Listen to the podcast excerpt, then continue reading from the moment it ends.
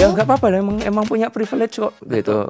Kan kalau aku di sini kan aku nggak bisa bilang Putri itu dikat ya kan nggak bisa juga gitu. Kalau aku ada salah ngomong ya udahlah terima aja.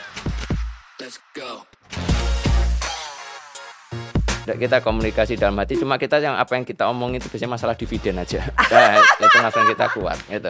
Tiba-tiba Oh, itu keluar penting ya? "Hmm, mas Kalau tanda tangan dividen. langsung. oh langsung keluar langsung tiba-tiba datang makasih gitu. Selain itu nggak ada nggak boleh setengah-setengah 100% nggak boleh banyakkan bercanda walaupun tetap masih bercanda.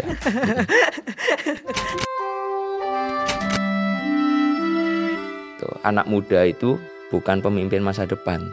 Anak muda itu pemimpin masa kini. Kerja ikhlas. Jangan berharap ada sesuatu yang kamu dapat dari situ. Pokoknya kerja ikhlas dah. Itu pasti apa yang kamu mau pasti bisa kamu dapetin juga kok gitu Selamat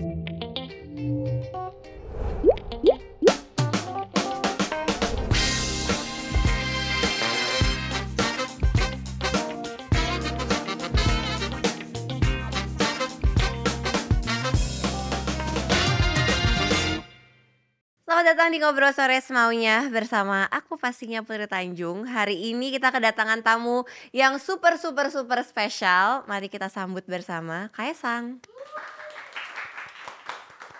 Hai Mas Kaisang, ya halo. Apa kabar? baik. Ini emang harus basa-basi gitu dulu. Iya dong, oh iya. Bahasa basi itu penting Oke, loh. Iya, iya, iya. Bahasa basi itu bisa nge-warm up situasi. Oke baik baik baik. Aman. Oh kalau Mas Kaisang biasanya kalau aduh rusak. Aduh, enggak. Udah. Gimana? Mas kalau nge-host podcast oh nggak pakai ini ya? Langsung pakai mic biasa ya? pakai clip on. Pakai clip on ya. Hmm. Mas biasanya kalau podcast emang nggak basa-basi dulu, langsung. enggak sih kita langsung to the point langsung kok bisa jatuhin jatuhin nar, apa Ya narasumber ampun langsung. jahat Mm-mm. banget.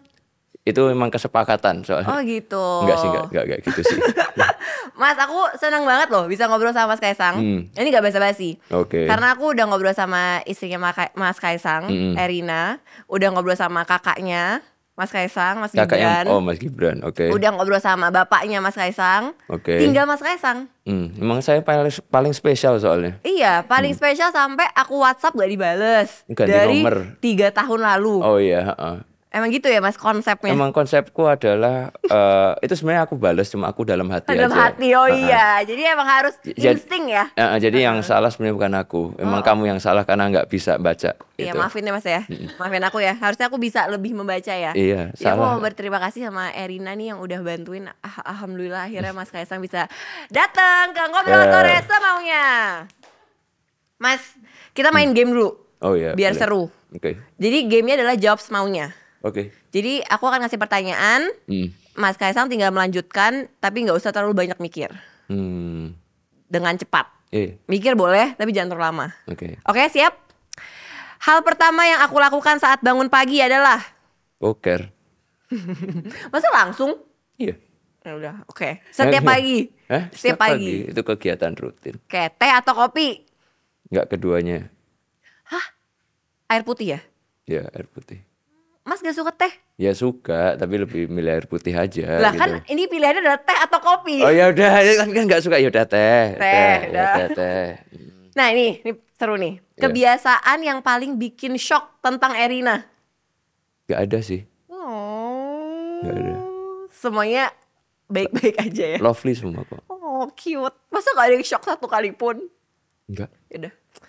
Luar, luar biasa. Love languageku adalah Semuanya. Oh iya benar, tapi Erina waktu itu bilang katanya Mas Kaisang Iya. love language-nya semuanya. Gimana tuh Mas caranya ngejagel untuk memperlihatkan semua love language? Hebat banget, kasih tips dong ke cowok-cowok. Loh, enggak, itu kan masalah ini aja, emang karena suka, udah gitu aja. Enggak, jadi nggak bisa dipaksain juga. Karena ada ada orang cuma pengen touch ya, touch ya kita nggak bisa nyuruh itu juga kan. Iya. Ya udah. Tapi Mas ke- emang melakukan semuanya. Iya. tapi kalau paling sering yang mana Mas dari semua love language? Sama rata kok nggak ada yang ini, ya? nggak ada ini, nggak ada yang lebih, nggak ada yang lebih kurang, nggak ada, sama semua. Luar biasa. Satu kesamaan antara Mas Kaisang dan Erina adalah Nonton film sampai ketiduran, Oh, Mm-mm, sampai nyonya mulu. sampai filmnya yang nonton kita. Film apa terakhir yang Mas nonton? banyak sih ya. Kalau aku ini apa yang Sheldon itu. Oke, yang Sheldon. Ah, yang Sheldon Heeh, itu, itu yang Sheldon. Kalau Erina apa ya? Loh, katanya barengan nontonnya. katanya nontonnya barengan. Enggak, kadang karena ketiduran duluan terus aku ganti gitu loh. Jadi kalau misalnya aku pas lagi ngelakuin hal sendiri, yang aku tonton yang Sheldon gitu. Oke. Gadis Katek udah nonton belum, Mas? Udah itu tapi nggak nggak nggak sampai selesai cuma awal-awal aja. Erina selesai. Udah selesai. Mm, Karena habis itu satu hari dua hari setelah dia selesai, itu langsung ngasih tahu di kupingku semua ini ini ini. ini. Ya udah, itu ya nggak nonton juga kan. Ya udah di udah diceritain semuanya. udah tahu Heeh. semua ya? Buat apa juga gitu. Nangis nggak Irina pas nonton? Nggak tahu nggak tanya Oh, soalnya. nggak tanya ya. Nangis Nangis nggak? nggak? Nggak Oh, ya? enggak. Kesel. Kamu kesel sama Raya ya? Semuanya. Oke. Em, orang nggak banyak yang tahu kalau Mas Kaisang itu orangnya. Introvert. Oke. Tahu ah? Ya, Tahu orang, loh, orang itu selalu ngira saya itu kan ekstrovert gitu, bisa ngomong sama orang. Padahal kayak gini nih, Big. Eh, eh, kok Oh. Eh. digerak lagi. Oke. Padahal kalau orang ngo- ngomong itu kan ini apa selalu ngelihat oh kayak sang tuh orangnya apa bawel atau apa gitu. Kan orang biasanya ngomongnya itu ekstrovert, tapi sebenarnya enggak. Aku lebih suka di rumah nggak ketemu sama orang. Hmm, introvert ya berarti. Oke. Menurut aku pemimpin yang baik itu adalah Yang baik. Hah? Oke. Ya benar kan? tapi kan baik itu relatif. Jadi baiknya tuh apa? Yang jujur. Ya yang baik juga kan? Baik juga. Ya udah baik kan Ya wes. keseluruhan Ya wes, terakhir, bisnis atau politik? bisnis. Kalau misalkan milih bisnis, kenapa Hmm. terjun ke politik? Ya terserah aku kan. Iya kan aku nanya, Oh, terserah oh aku iya. juga Oh dong mau iya. nanya. Oh iya. aku penasaran. Enggak jadi gini. Jadi eh, ada momen di mana dulu itu kayak Mas Gibran ngomong ngomong ke aku kalau eh, kamu udah punya semuanya kan? Ya udah punya. Jadi udah nggak butuh duit. Ya butuh namanya manusia tetap butuh duit lah karena mau buat makan atau apa, buat jajan, buat happy happy. Tapi dibilang lagi udah cukup kan? Ya cukup, setidaknya cukup sampai ya anak cucu cukup lah gitu loh.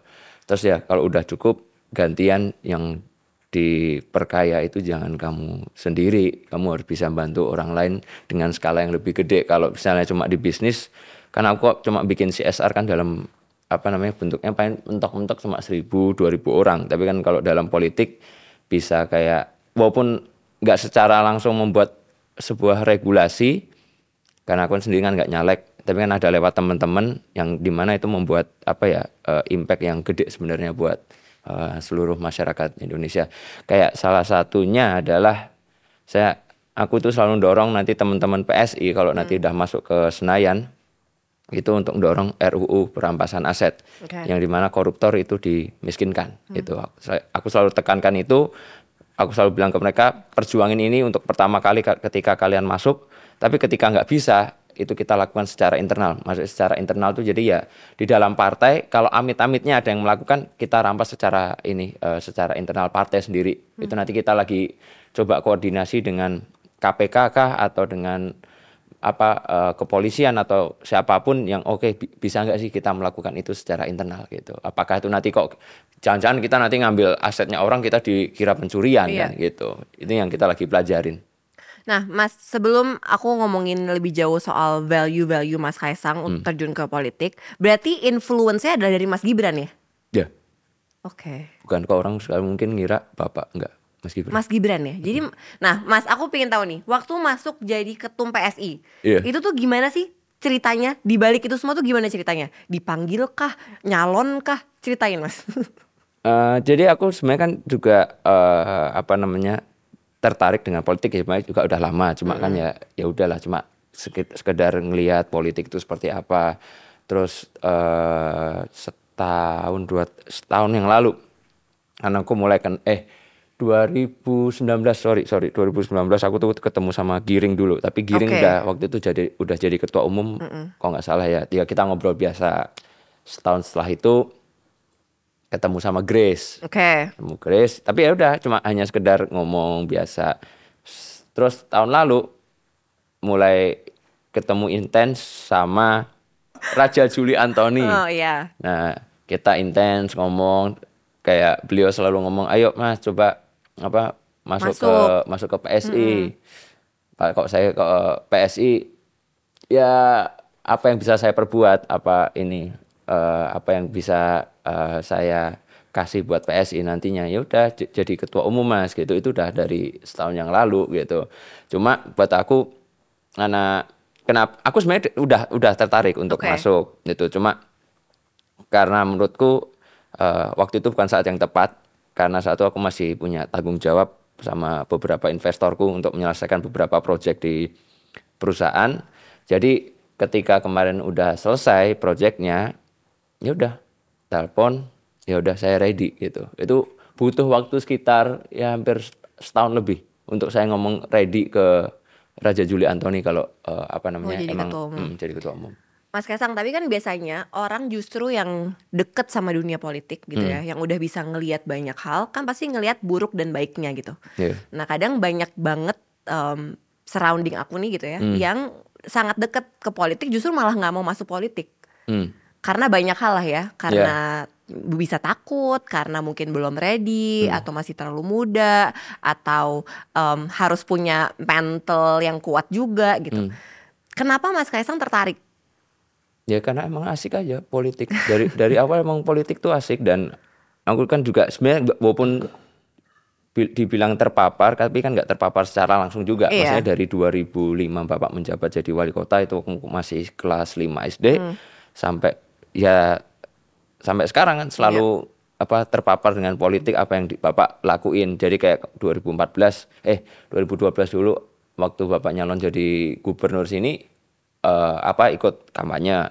2014 ikut kampanye juga. Jadi juga udah ngeliat nih oh seseorang nih apa kalau lagi kampanye ini tuh seperti apa gitu. Jadi buat aku juga itu sesuatu yang eh, menarik, asik, bisa berinteraksi langsung dengan apa namanya masyarakat luas. Terus kita juga bisa apa namanya, oh ini loh nanti yang akan kita perbuat ini. Setelah itu, setelah jadi apa yang kita janjikan terus kita perbuat untuk masyarakat luas dan mereka seneng itu hatinya enak. Iya. Karena aku dulu uh, aku kemarin tuh ada satu case itu di Pluit, aku datang namanya itu Nenek Dela. Oke. Itu dia itu punya kayak apa ya kok dia tuh nyebutnya komunitas yang harusnya dia bisa bisa jadi ini itu buat untuk jadi TK, tapi karena secara gurunya bukan full saya aku nggak aku lupa dia tuh masalahnya apa. Tapi habis itu apa namanya dia tuh nggak bisa nggak punya sertifikat untuk apa itu sebuah TK gitu. Tapi dia ngajak semua anak-anak udah pokoknya belajar di sini aja walaupun emang nggak bisa disebut TK gitu nah yang kemarin kita perjuangkan adalah walaupun saya cuma bilang nek udah nanti eh, insya Allah habis ini jadi TK gitu tapi doain saya dulu doain PSI untuk bisa masuk ke ke Senayan gitu. Tapi ternyata satu bulan dari situ teman-teman teman-teman dari PSI punya jalan akhirnya bisa jadiin itu sebuah TK sekarang.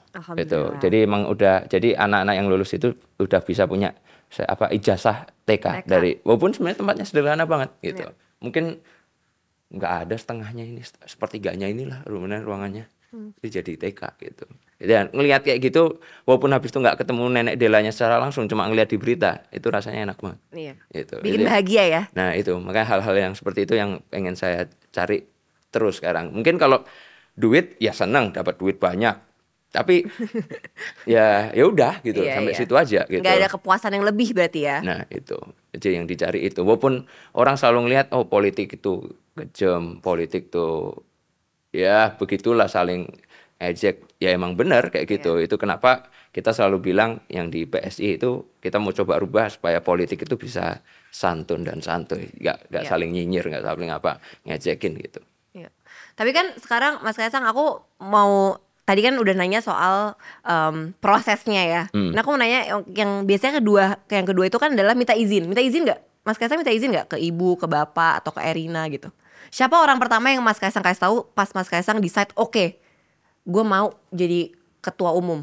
Erina, Oke. restu dulu dari Erina. Kalau bapak ibu apa apa lebih kayak ngasih- FYI. iya kayak ngasih tahu aja gitu. Oke. Karena mau gimana pun eh, apa ya? Yang pertama tetap pasti istri dulu gitu. Iya. Karena aku kan juga sebelum sebelum apa ya sebelum jadi ketua umum PSI aku kan juga coba sholat istiqoroh berkali-kali dan nggak dapat jawaban sama sekali tapi ketika restu dari istri keluar nah itu jawaban itu juga langsung keluar juga gitu jadi itu kenapa emang sebenarnya kuncinya adalah di restu Erina. istri ya Waktu itu Erina pesan-pesannya apa? nggak boleh setengah-setengah 100% nggak boleh banyakkan bercanda walaupun tetap masih bercanda Mm-mm. Kalau- jadi kadang-kadang masih dimarahin juga nggak boleh bercanda Bagus ya dong, mas, Mas, ada iya tetap selalu ngingetin selalu Iya. ngingetin Kalau ibu sama bapak pesannya apa, Mas?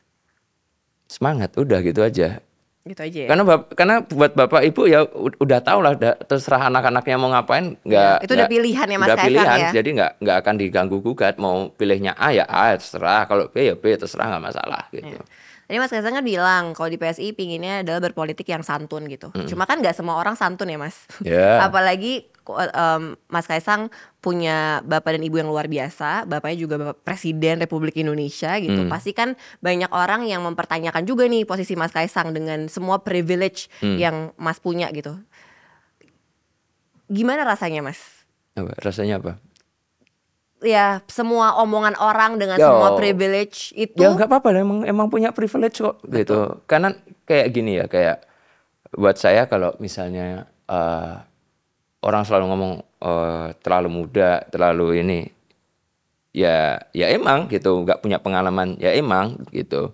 Cuma kan dalam arti eh, anak muda kapan bisa dikasih kesempatan tuh kapan gitu. Anak muda itu bukan pemimpin masa depan. Anak muda itu pemimpin masa kini. Gitu. Itu aku makanya kemarin eh, dikukuhkan sebagai ketua umum ya sebagai salah satu ketua umum yang termuda sekarang dibandingkan eh, ketua-ketua Iya. parpol yang lain gitu. Tapi ya nggak masalah. Secara pengalaman saya dengan Bu Mega jauh pasti jauh banget saya paling cuma segini doang Bu Mega udah mengalami semuanya udah jadi pernah jadi presiden semuanya ya nggak apa-apa ini kan juga sebuah pembelajaran juga di dalam bu- apa dunia politik gitu jadi ya dinikmatin aja Insecure nggak? hmm? Insecure masih ada nggak? nggak apa Oh ya? nggak Oke. pede-pede aja walaupun walaupun paling nggak punya pengalaman tapi nggak apa-apa yang penting pede yang penting pede dulu gitu Yang Sambil belajar juga kayak Mas ya. ya, ya sambil belajar dan apa namanya ya kita harus hadapin apa yang inilah yang ada di depan kita hadapin aja Iya. Value apa Mas dari keluarga, dari bapak dan ibu yang Mas dapatkan yang yang Mas sekarang pegang terus untuk menjalani apa pun yang dijalani sekarang? kerja ikhlas Oke. jadi nggak jangan berharap ada sesuatu yang kamu dapat dari situ pokoknya kerja ikhlas dah itu pasti apa yang kamu mau pasti bisa kamu dapetin juga kok gitu.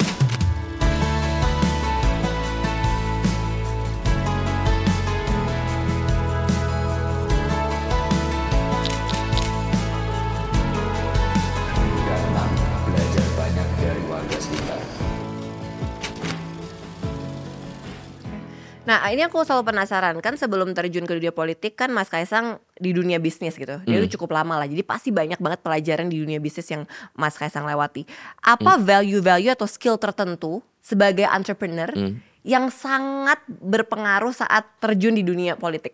komunikasi kita kayak kayak apa kan kita sebagai, sebagai apa namanya pemilik sekaligus direktur kan pasti menghadapi yang namanya ada bawahan yang umurnya jauh lebih tua dari kita gitu ada yang tempat saya itu ada yang 50 ada yang 60 gitu ya udah itu yang eh, kayak sebuah pembelajaran yang aku pakai sekarang juga di dunia politik yang di mana aku juga sekarang punya beberapa bisa dibilang senior itu ada apa namanya In- Inang Irma Huta Barat itu juga umurnya maaf Inang aku nggak tahu umurnya yang pasti di atas 60 kayaknya karena rambutnya udah putih Mm-mm. terus ada eh, Bang Ade Armando Iya. Itu juga umurnya ada 60 lebih juga. Ini kan apa sebenarnya komunikasi dengan mereka kan juga eh, butuh skill juga Betul. gitu. Kayak kalau kita lihat eh, Bang Ade Armando ini sebelum saya masuk kan keras. Serang sana serang sini serang sana serang sini. Tapi ketika saya jadi ketua umum saya bilang Bang Ade kita ganti gaya politik kita ya. Kita gaya politiknya adalah santun dan santuy. Nggak perlu nyerang. Udah kita calm down aja. Nggak usah aneh-aneh lah. Dah, pokoknya kita kerja kenalin diri kita ke masyarakat.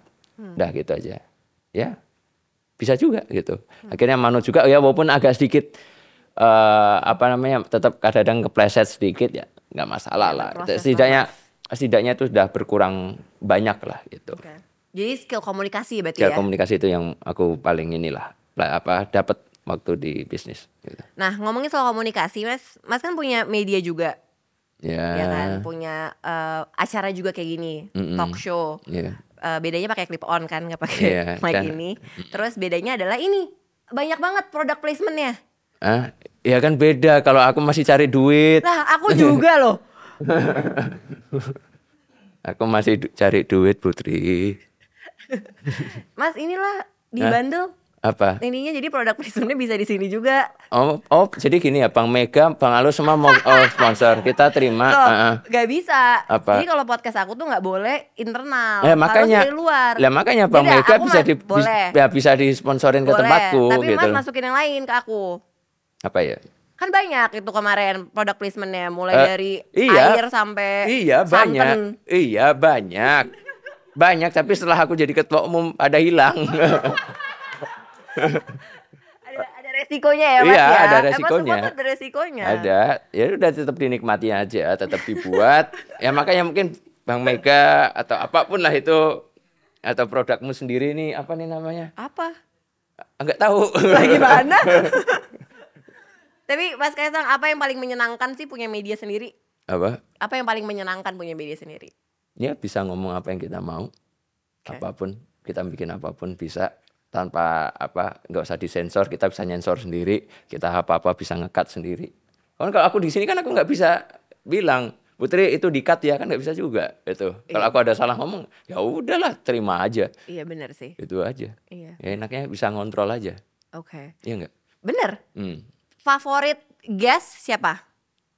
kenapa yang nggak favorit aja sih Iya bah, siapa yang gak favorit? ah Aldi Tahir Kenapa? apa Kenapa? Dua jam nyanyi terus Menyenangkan dong hiburan. hmm, nggak belum ngerasain sih Tahu nggak dia pernah bikin lagu buat aku? Ya sama aku juga. Ya Aku- wes. Aku aku dibikinin tiga atau empat kayaknya udah banyak sampai Persis Solo juga semua dibikinin itu. Bagus dong. Baru satu kan? Baru satu kalah lah Belum- kita. Belum belum pernah diajak ke sini kan? Belum. Nah, coba aja sendiri.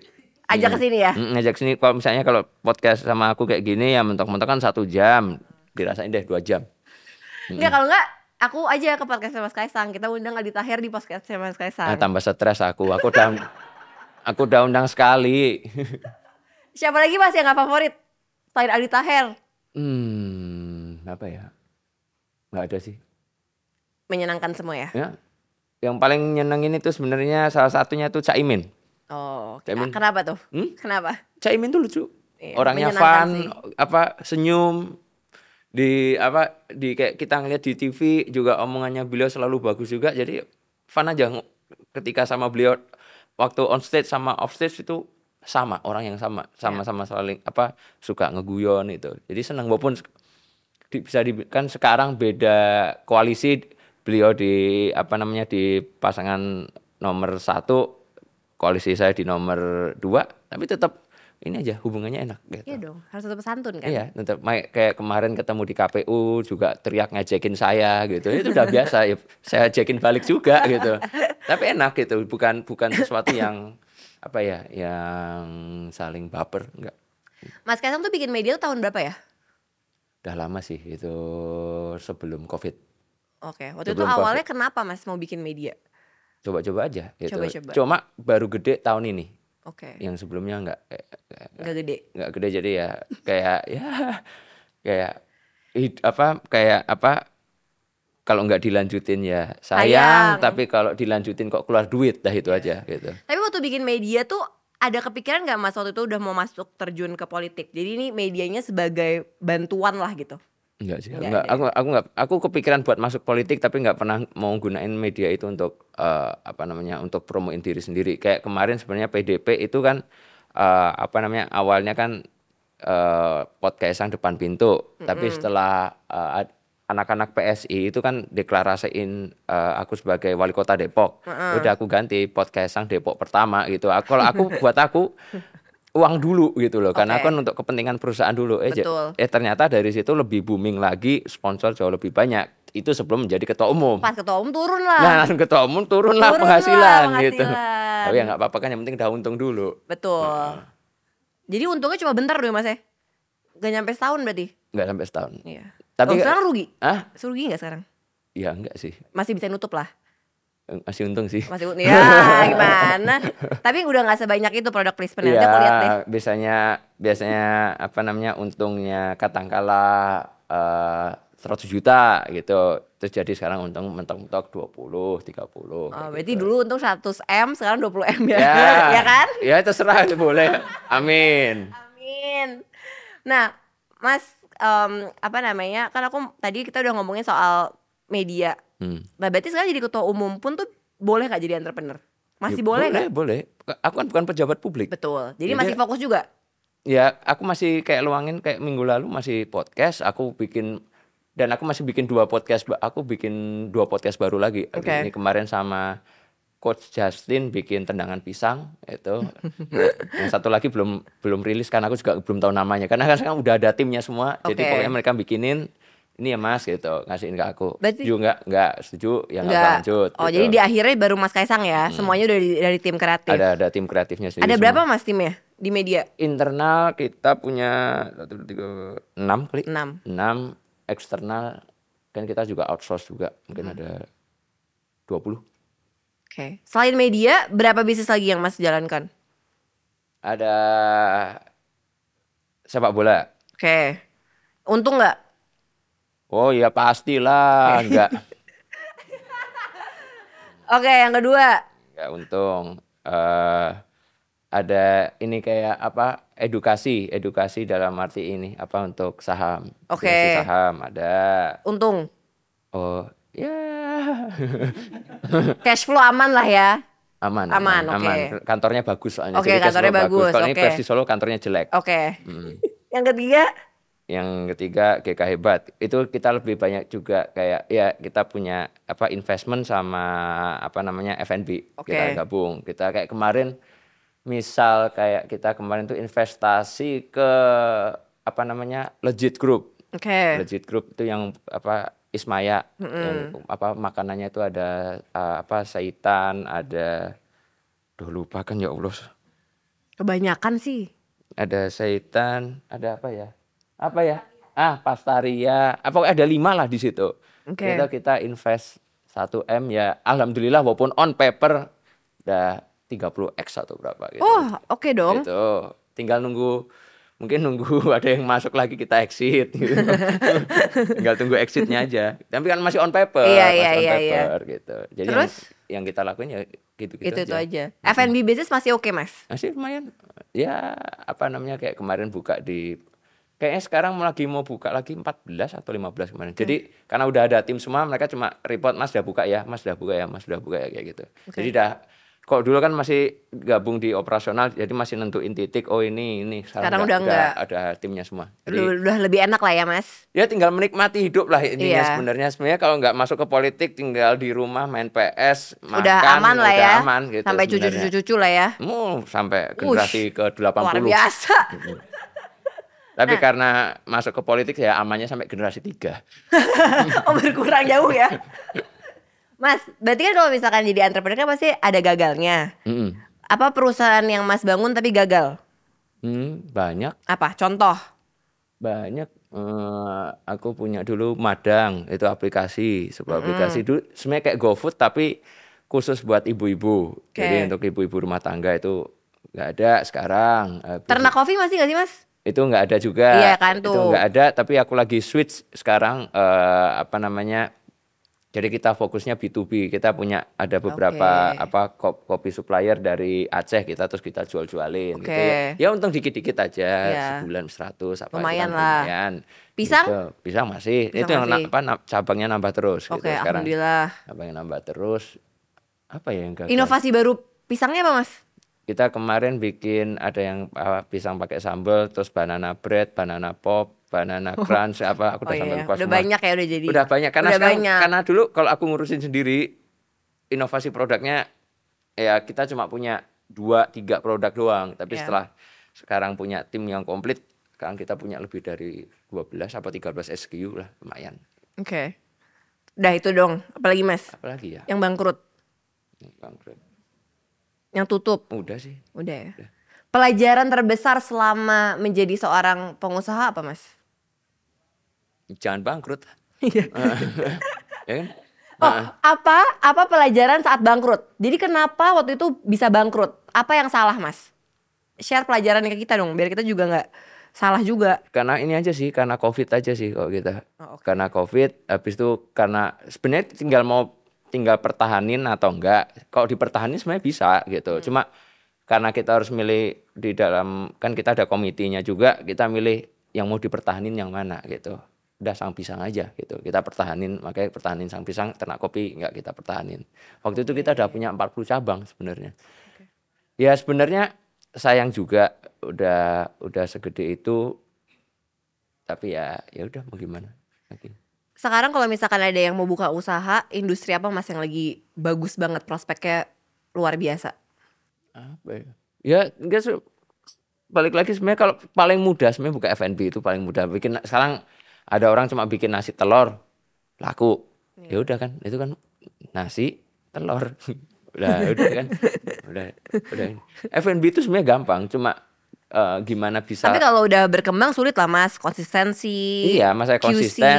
Terus terakhir tinggal gimana kita itu bisa jadi produk yang sustain aja gitu. Iya. Kayak biasanya kalau udah lewat dari setelah lima tahun, 10 tahun habis itu biasanya bisa bisa sustain sendiri gitu.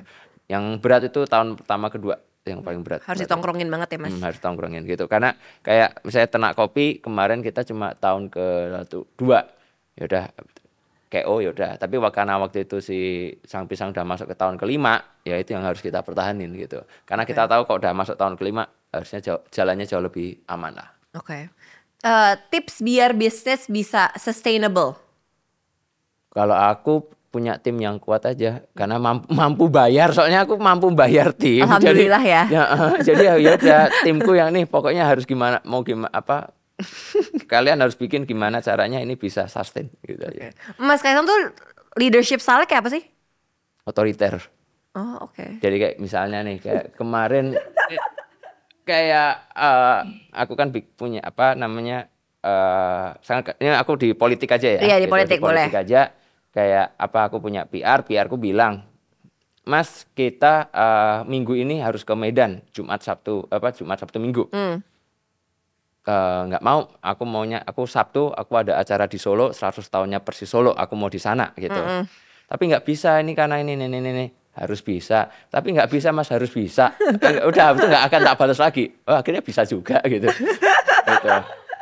Pushy ya. iya karena karena kalau aku udah mau A aku harus la- lakuin A gitu. Walaupun setelah itu juga harus dari Sabtu ke Solo malamnya ke Jogja terus langsung naik kereta ke Jakarta sampai jam 3 pagi habis itu langsung berangkat ke Medan gitu. ya walaupun lebih agak ribet tapi ya nggak apa-apa karena aku udah pengen Harus ada di situ. ya harus ada di situ gitu Oke. jadi kayak aku misalnya di bisnis ya aku maunya itu harus dapetin itu gimana caranya kalau kalian minta tim oke aku tambahin tapi harus dapet yang aku mau gitu Oke.